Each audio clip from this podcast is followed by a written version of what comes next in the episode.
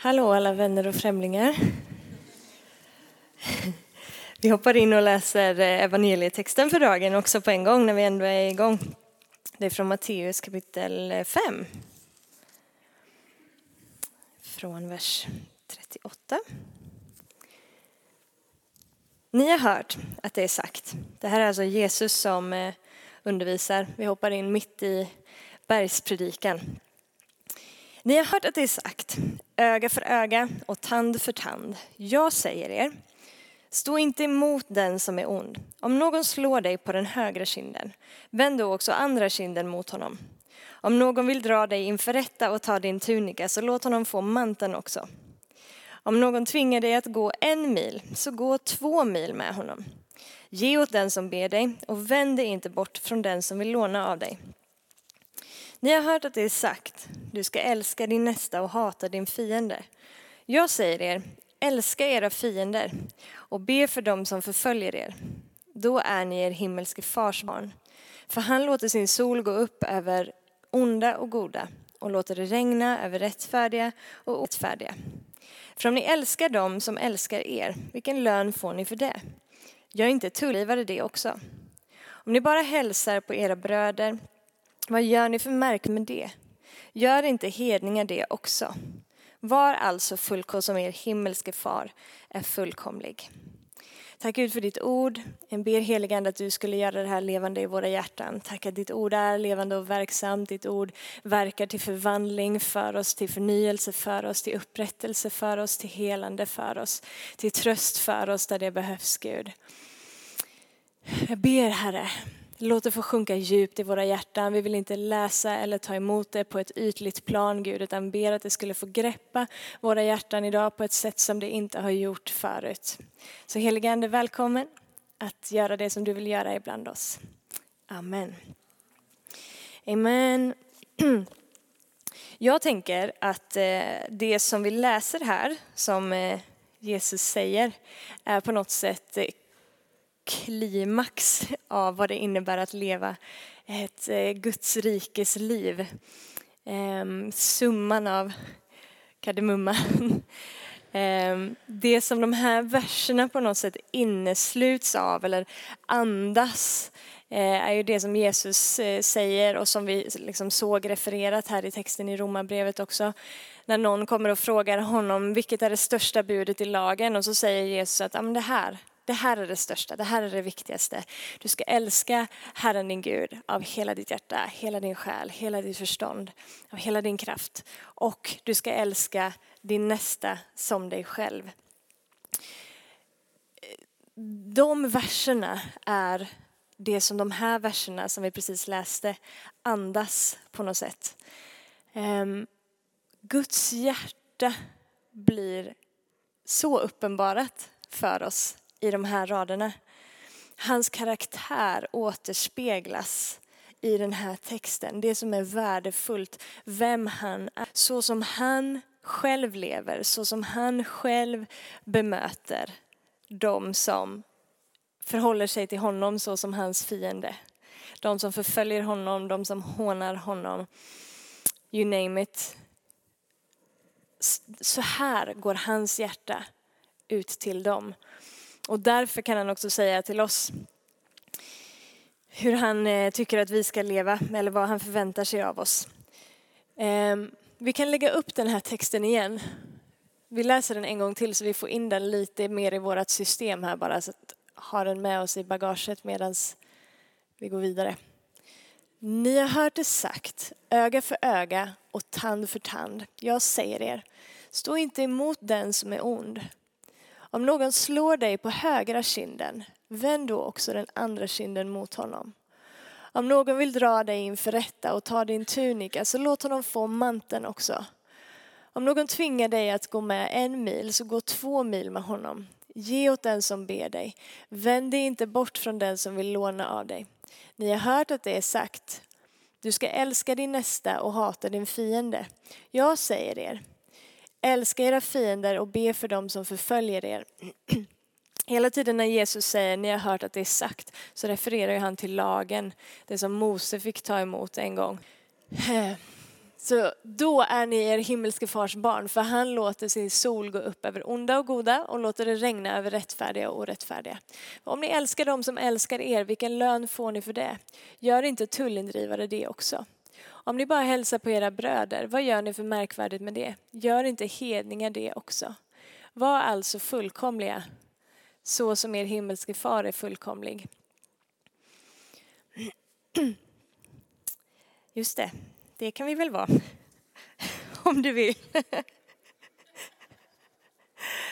um, vad är poängen i den här texten? Jag tänker att det som vi kan utläsa väldigt mycket är att det handlar om, om relationer. Om hela relationer. Varför ligger det här på Guds hjärta? Liksom? Varför är det så viktigt det här med hur vi visar kärlek och hur vi visar kärlek även mot de som är emot oss, även de som, som inte har samma åsikt som jag, även de som behandlar mig som skrutt. Liksom. I Guds värld så är relation hela tiden över sakfråga. i vår egen mänskliga värld så tror jag att vi ibland hamnar bak och fram i det tänket. Vi, vi vill väldigt gärna hävda våran rätt i olika saker. Och sakfrågan blir liksom så här viktig i förhållande till relationen. Men i Guds värld så är det relationen är viktig i förhållande till sakfrågan. Hela relationer är det som han faktiskt kom i mänsklig form, i mänsklig gestalt, i personen Jesus för att återupprätta. Brustna relationer liksom mellan, brusten relation till mig själv, brusten relation till Gud, brustna relationer människor emellan är ju ett resultat av synden, liksom, syndafallet och det som Jesus har kommit för att göra helt igen. Så Gud kommer i mänsklig gestalt för att igen återupprätta relationen mellan människa och honom själv. För att återupprätta relationen till mig själv och för att återupprätta relationen som jag har till min, min kristna broder och syster och till eh, sådana som ännu inte tror och mellan Eh, mellan otroende.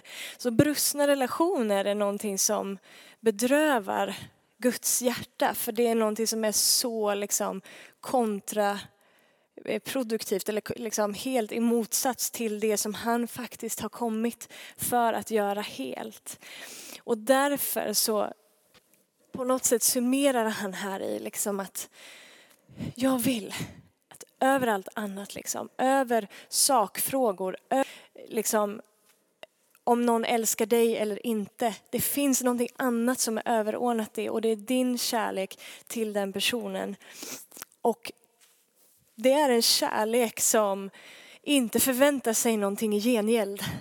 Som inte älskar för att jag har en hemlig agenda och som liksom förväntar mig en återbäring, en återkastning eller vad man nu säger på det som jag en gång har gjort för den, liksom, som inte håller någon skyldig utan som, som ger fritt och förintet, som är generöst, liksom, som kan ösa ur en källa från insidan utan att liksom stå och förvänta sig att jag ska få någonting tillbaka.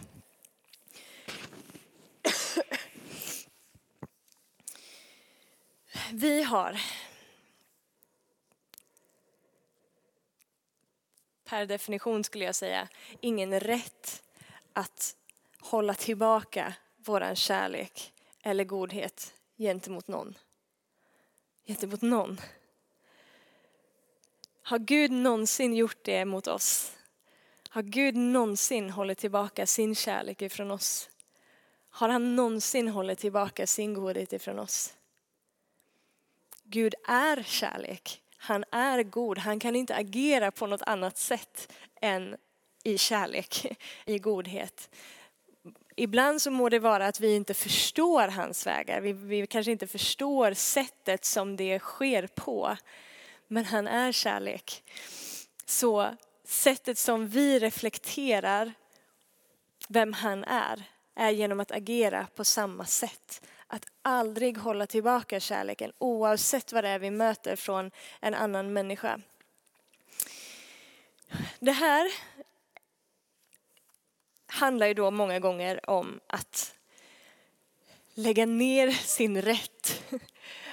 att på något sätt bita i det sura äpplet höll jag på att säga, men att, att faktiskt ödmjuka sig. Jag vet inte hur du funkar, men jag gissar att du funkar ganska lika som mig många gånger. För att vi är människor, vi sitter i samma båt.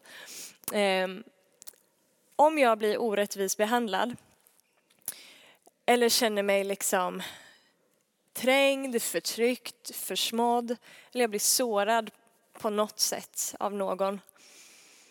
Så det som kickar igång i mig ofta då är ju att jag tycker att jag har rätt att vara arg på den här personen för att den har behandlat mig illa. Det här var så fruktansvärt orättvist och du har fel. Och det, det, är mycket möjligt att den personen har fel. Men det som händer med mig är att jag liksom håller fast i min rättighet då att inte älska den här personen. Eller jag håller fast i min rätt att inte vara god mot den här människan. Jag håller fast i min rätt att inte visa nåd. Och jag tycker att jag har rätt att säga att nej, jag vill inte hjälpa dig. För du är minsann dum. För du har minsann gjort det här och det här. Och så hamnar jag liksom i ett status där jag tycker att jag har en himla massa rättigheter. Och det luktar inte gott. Det luktar inte Jesus om den attityden. Vi får ställa det lite i perspektiv. Om vi ska försöka liksom återspegla det här på vem, vem Gud är, för att inte fastna i vår egen liksom, snurra. Vem är, vem är Gud i det här läget? Om det var någon som hade rättigheter så var det väl ändå Jesus. Om det var någon som förtjänade liksom ära, härlighet, att bli tjänad, att bli älskad, så var det väl ändå han. Som aldrig har gjort något fel, som aldrig har gjort någon någon orätt, som aldrig har nekat någon något gott, som inte har någonting att bli anklagad för. Men Gud ändå liksom väljer att på något sätt avsäga sig all den härlighet i sin himmel, komma ner, anta mänsklig gestalt och begränsa sig liksom till det som hör till vårat tid och rum och utstå spott och spe och hån och hat och förföljelse och Snacka om att bli orättvist behandlad. Snacka om att bli felaktigt anklagad. Snacka om liksom att bara stå och ta emot all, all denna skit rent ut sagt som människor skickar på honom. Liksom. Där människor eh, försöker döda honom och sen faktiskt också gör det. Han om någon förtjänade ju inte det. Han om någon förtjänade motsatsen. Men ser vi någonsin Jesus i de lägena hålla tillbaka sin kärlek? Mm -mm. Ser vi honom hålla fast i sin rättighet, liksom i att jag har minsann blivit orättvist behandlad. Jag har minsann liksom rätt att vara arg och jag har minsann rätt nu att inte göra det som Fadern har sänt mig att göra, nämligen att betala priset för att ni beter er just så här, för att ni en dag ska kunna stå fria och frikända ifrån detta. Han gjorde inte det. Han gjorde inte det. Utan han hade hela tiden liksom påkopplad, eller vad man ska säga, gentemot de här människorna och gick hela vägen i det uppdrag som han hade, trots att han hade all, inom situationstecken, rätt i världen att inte göra det om han hade levt efter principen öga för öga, tand för tand. Men han kommer för att gestalta och manifestera ett liv i Guds rike som går liksom långt utöver det som lagen en gång sa. Eh, vi kan läsa ifrån Filipperbrevet kapitel 2.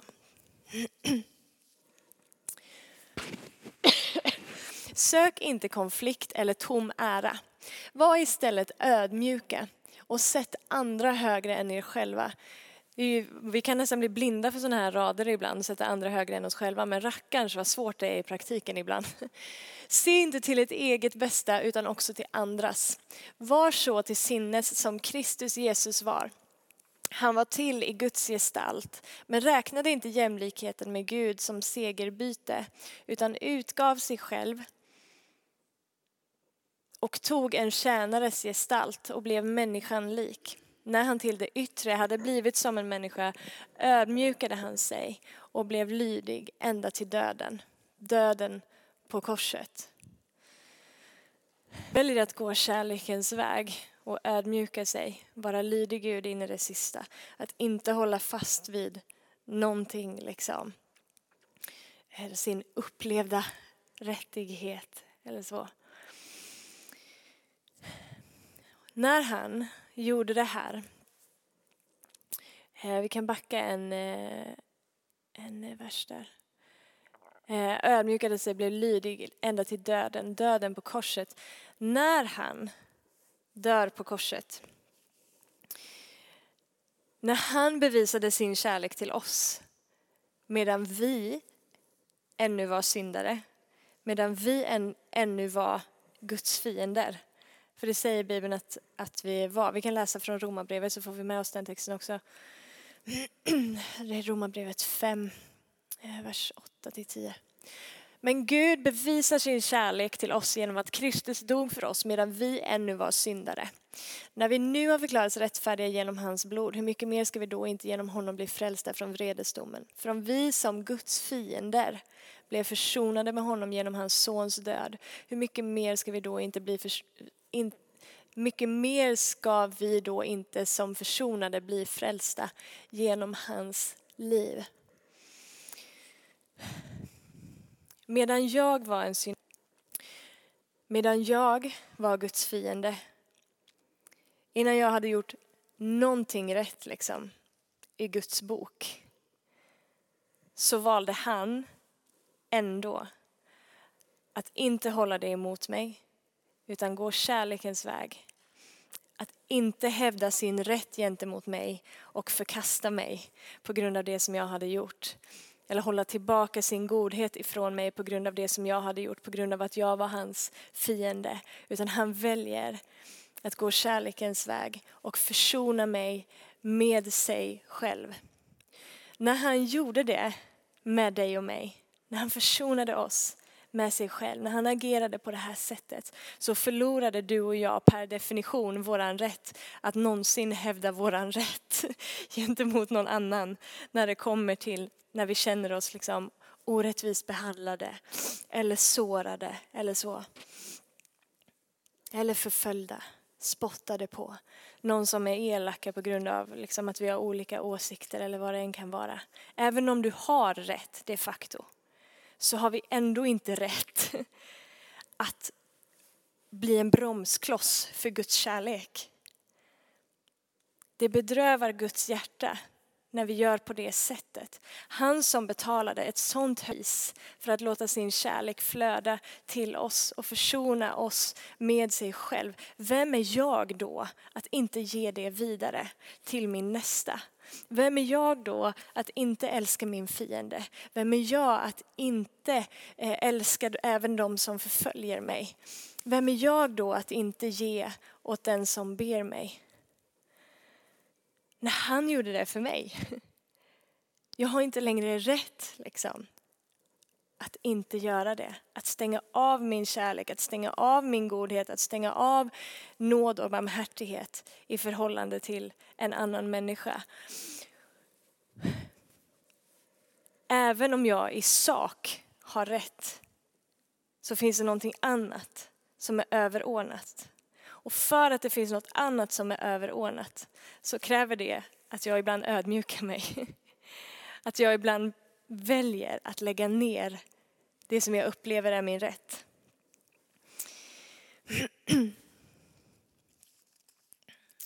Vi skulle också kunna läsa ifrån eh, Matteus kapitel 18.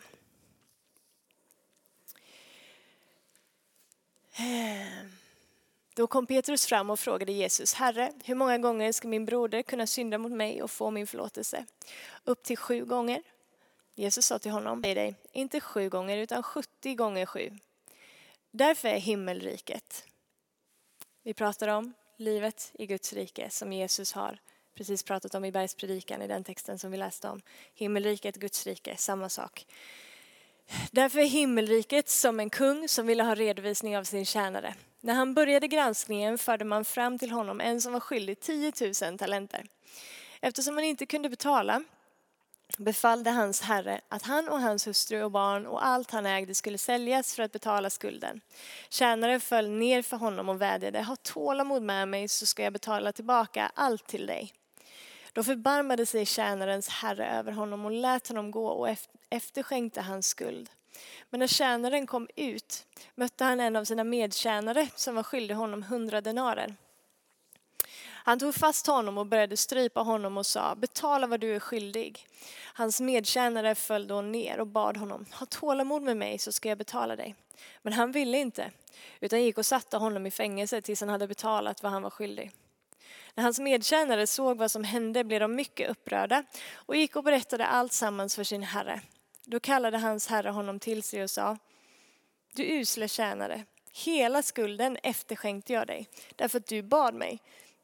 Borde inte du ha förbarmat dig över din medtjänare, liksom jag förbarmade mig?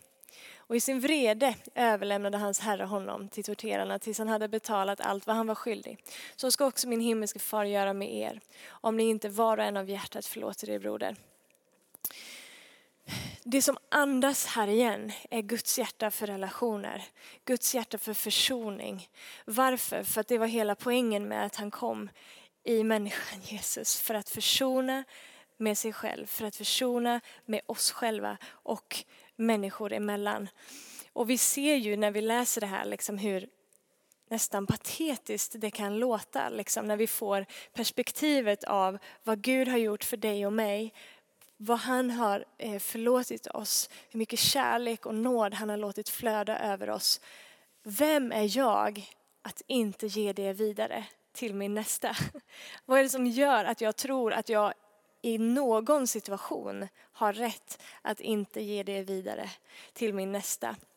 Vi fattar ju någonstans själva att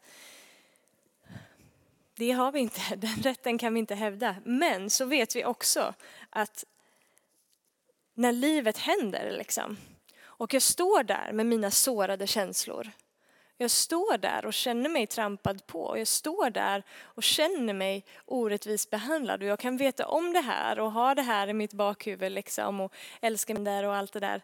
Det är rackarns inte lätt alltid att, att leva ut det. Sorry. Det handlar om att dö ifrån sig själv. Att dö bort ifrån sitt kött, som Bibeln skulle uttrycka det. Från sin gamla människa, från sin, eh, sin inte på nytt födda natur. Vi rör oss på en resa av att bli mer och mer lika Jesus.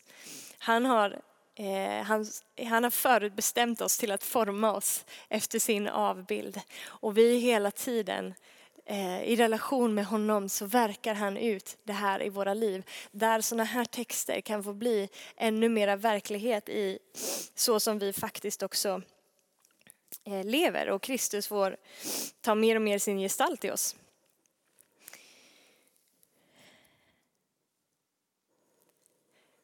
Det som är skönt i det här, på att säga, men det, det är det faktiskt ehm, när Jesus i den här texten som vi läste från början, Matteus kapitel 5, han säger, ni har hört det sagt, öga för öga, tand för tand, da, da, da, da, Men jag säger er, han, han eh, säger så på upprepade ställen i bergspredikan. Och det han gör är att han hela tiden liksom lägger ribban för ett kristet levande mycket högre än lagen. Han lägger ribban fruktansvärt högt. Och han drar det hela tiden inåt hjärtat. Liksom. Att, okay, förut så har ni haft de här yttre ramarna liksom, att förhålla er till. Men nu är ribban här uppe. Och för att ni ska kunna leva här så förutsätter det ett förvandlat hjärta. Utan ett förvandlat hjärta så går inte det. Och ett förvandlat hjärta i sin tur förutsätter ett beroende av den helige ande. För det är när Jesus säger i den sista versen som vi läser därifrån Matteus 5, eh, vad är fullkomliga så som er himmelske far är fullkomlig. Okej, okay. ja, visst. Alltså det är ju omöjligt på riktigt. Alltså menar han på riktigt att vi ska vara så som Gud är? Det är ju helt gripande omöjligt. I vår egen kraft så är det omöjligt. Men genom den helige andes hjälp så är det möjligt att reflektera Guds hjärta och Guds karaktär. Det är inte omöjligt att leva så som Gud vill att vi ska leva. I mig själv så finns inte en chans att jag klarar det. Men när Jesus hela tiden liksom pekar på, okej okay, ni har hört att det var sagt, men jag säger er och målar upp en verklighet som är liksom bara som går mig över huvudet, så gör han ju det med medvetenheten om att det sätter mig i en position där jag bara måste kasta mig på Gud liksom och bara Gud, hjälp mig. Hjälp mig helige ande. Kommer jag till korta? Oh yes, många, många, många gånger. Men jag har den helige ande som hjälper mig. Och tillsammans med honom så får jag gå på den resan liksom, och veta att även när jag misslyckas så har Gud inte stängt av sin kärlek mot mig. Utan den strömmar fortfarande. Det finns fortfarande liksom förlåtelse och det finns fortfarande eh, nåd. Det finns fortfarande upprättelse. Och jag får vila i det hela tiden i honom. Men det blir en resa för oss att lära oss att leva i beroende av den heliga Ande. Att leva i hans kraft, att leva utifrån min på nytt födda människa. Paulus säger på ett ställe i Galaterbrevet att eh, vandra i anden så gör ni inte vad köttet begär. När jag står och känner mig liksom trampad på eller sårad eller orättvist behandlad eller så, så kommer mitt, mitt kött, min, min gamla människa, kommer att skrika liksom. Du har rätt att hämnas. Du har rätt att hålla det här emot dem. Du har rätt att inte längre hjälpa dem. Du har rätt att inte vara snäll emot dem längre. Du har rätt att inte liksom vara tillmötesgående eller så. Men det är, Guds ande kommer aldrig skrika så. Den saken är säker. Guds ande, den heliga ande i mig, kommer vara där och påminna mig om att Kommer du ihåg hur mycket du har blivit förlåten? Kommer du ihåg att Jesus ödmjukade sig, hävdade inte sin rätt när du hade liksom satt dig upp emot honom eller gjort fel eller sårat hans känslor. Så därför så kan vi också ge det vidare. För Guds ande bor i dig och mig. Då är det möjligt.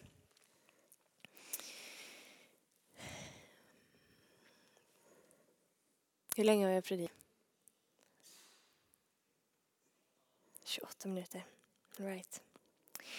Um, jag har skrivit så här. Vi har inte rätt att bara visa godhet mot eh, vår egen lilla kristna klubb som tycker och tänker som vi. Alla de som är likasinnade, liksom, som jag känner att det är klart att jag älskar de här människorna. Liksom. Eh, utan den rätten har försvunnit när Jesus stod på korset. Nu har vi istället skyldighet att älska, även de som inte tycker och tänker som vi. Det finns rörelser eh, i den här världen som själva hävdar att de är väldigt inneslutande liksom, och det är okej att komma precis som man är, det är okej att eh, tycka och tänka precis vad man vill, det är okej liksom att älska eller inte älska vem man vill och så. Eh, men sen när det väl kommer till kritan så visar det sig att om man inte tycker precis och tänker precis som de gör, då är man helt plötsligt inte så innesluten i den rörelsen i alla fall. Så man är inte så, så välkommen som, som de kanske hävdar från början. Men Jesus har kallat oss till en mycket högre standard. Till att även de som har en helt annan åsikt. Även de som tycker och tänker annorlunda, även de som kastar skit på oss. Även de som behandlar mig orättvist är jag kallad att älska. Det betyder inte att jag ska välsigna allt det som alla andra gör. Vi välsignar det som är i enlighet med Guds ord och det som Gud kan ställa sig bakom. Det välsignar vi. Men jag har inte rätt att stänga av min kärlek eller min nåd gentemot någon annan. Svårt ibland, men fortfarande det som Gud säger. För hans hjärta bara bankar för upprättade, försonade, hela relationer. Liksom. Att, hela, att vi hela tiden kan vara de som går den extra milen, som vänder den andra kinden till, som ger Även när vi vet att vi inte kommer få någonting tillbaka. Även när vi vet att vi aldrig kommer få igen det som vi nu ger, men vi ger ändå. Utan baktanke, utan agenda, bara för vi vet att det här reflekterar Guds karaktär. Det här är någonting som reflekterar Guds närvaro. Och när Gud säger att om ni gör så här, om ni älskar era fiender, om ni ber för dem som förföljer er, då är ni er himmelske fars barn. Då säger han ju inte det med ingång, om ni gör så här så blir ni er fars barn. Utan för att vi är vår fars barn så gör vi det här. Alltså det här är liksom inte så en väg till att du ska bli frälst. Liksom. Att you better behave good här. Liksom. Om du bara visar godhet och jag är en bra människa, då är du frälst. Nej, utan när du är frälst, när du tillhör Gud, när du är hans barn, så är det det här som Gud förväntar sig av oss. För att han har gjort det för oss. Och det är fullt möjligt för oss att återspegla hans karaktär på det sättet. Låt oss sträva efter att keep our love on. Keep our love on. Att hålla vår kärlek påslagen gentemot andra Även när jag behöver lägga ner min egen rätt, även när det svider i mitt eget kött. Även när jag kanske de facto har blivit orättvist behandlad. Men låt oss ändå. För när vi gör det, varje gång vi väljer det, så är det någonting ytterligare i min karaktär där Gud mejslar ut sin avbild i mig till sin ära. Och den här världen kan se han är på hur vi älskar villkorslöst. Amen. Fader, vi tackar dig för det priset som du har betalat för att eh, upprätta relationen mellan dig och oss. Tack att du inte har hävdat din rätt gentemot oss, Gud. Tack att du inte har hållit våran synd eller våran fientlighet emot oss. Ehm, utan du har istället valt att älska hela vägen. Du ödmjukade dig så långt som man någonsin kan ödmjuka sig. Genom att till och med dö för någon som allt annat än förtjänade det den ofattbara kärleken ifrån dig, Herre. Vi är tacksamma för den, Herre. Och jag ber, heliga Ande, att du vill öppna vårt hjärtas ögon ännu mer för att se det. Att vi skulle få grepp om just den sanningen, för utifrån uppenbarelsen om det så förstår vi att kärleken till mig själv och till min nästa kommer att flöda på ett helt nytt sätt, Gud. Så vi ber om uppenbarelse, om försoningen som du har betalat för, Herre.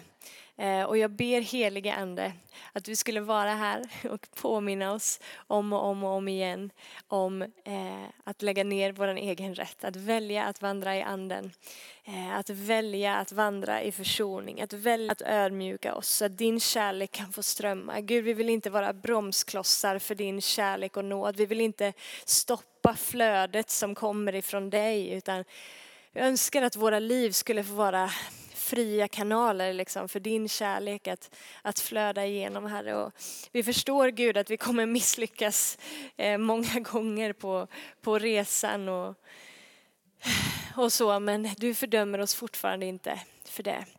Du håller inte det emot oss utan istället så välkomnar du oss om och om igen att bara kasta oss på dig, kasta oss i beroende av dig och säga hjälp oss Gud.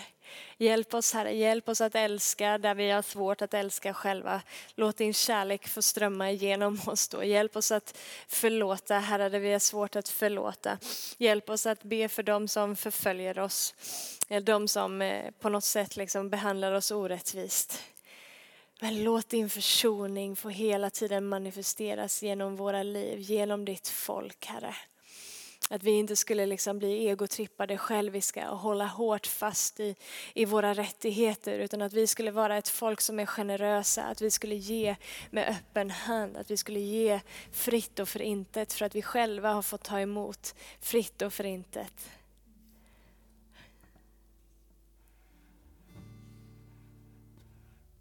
Men lär oss att älska med en öppen famn som du. En kärlek som gör att alla gränser suddas ut. Hmm. I Jesu namn. Amen.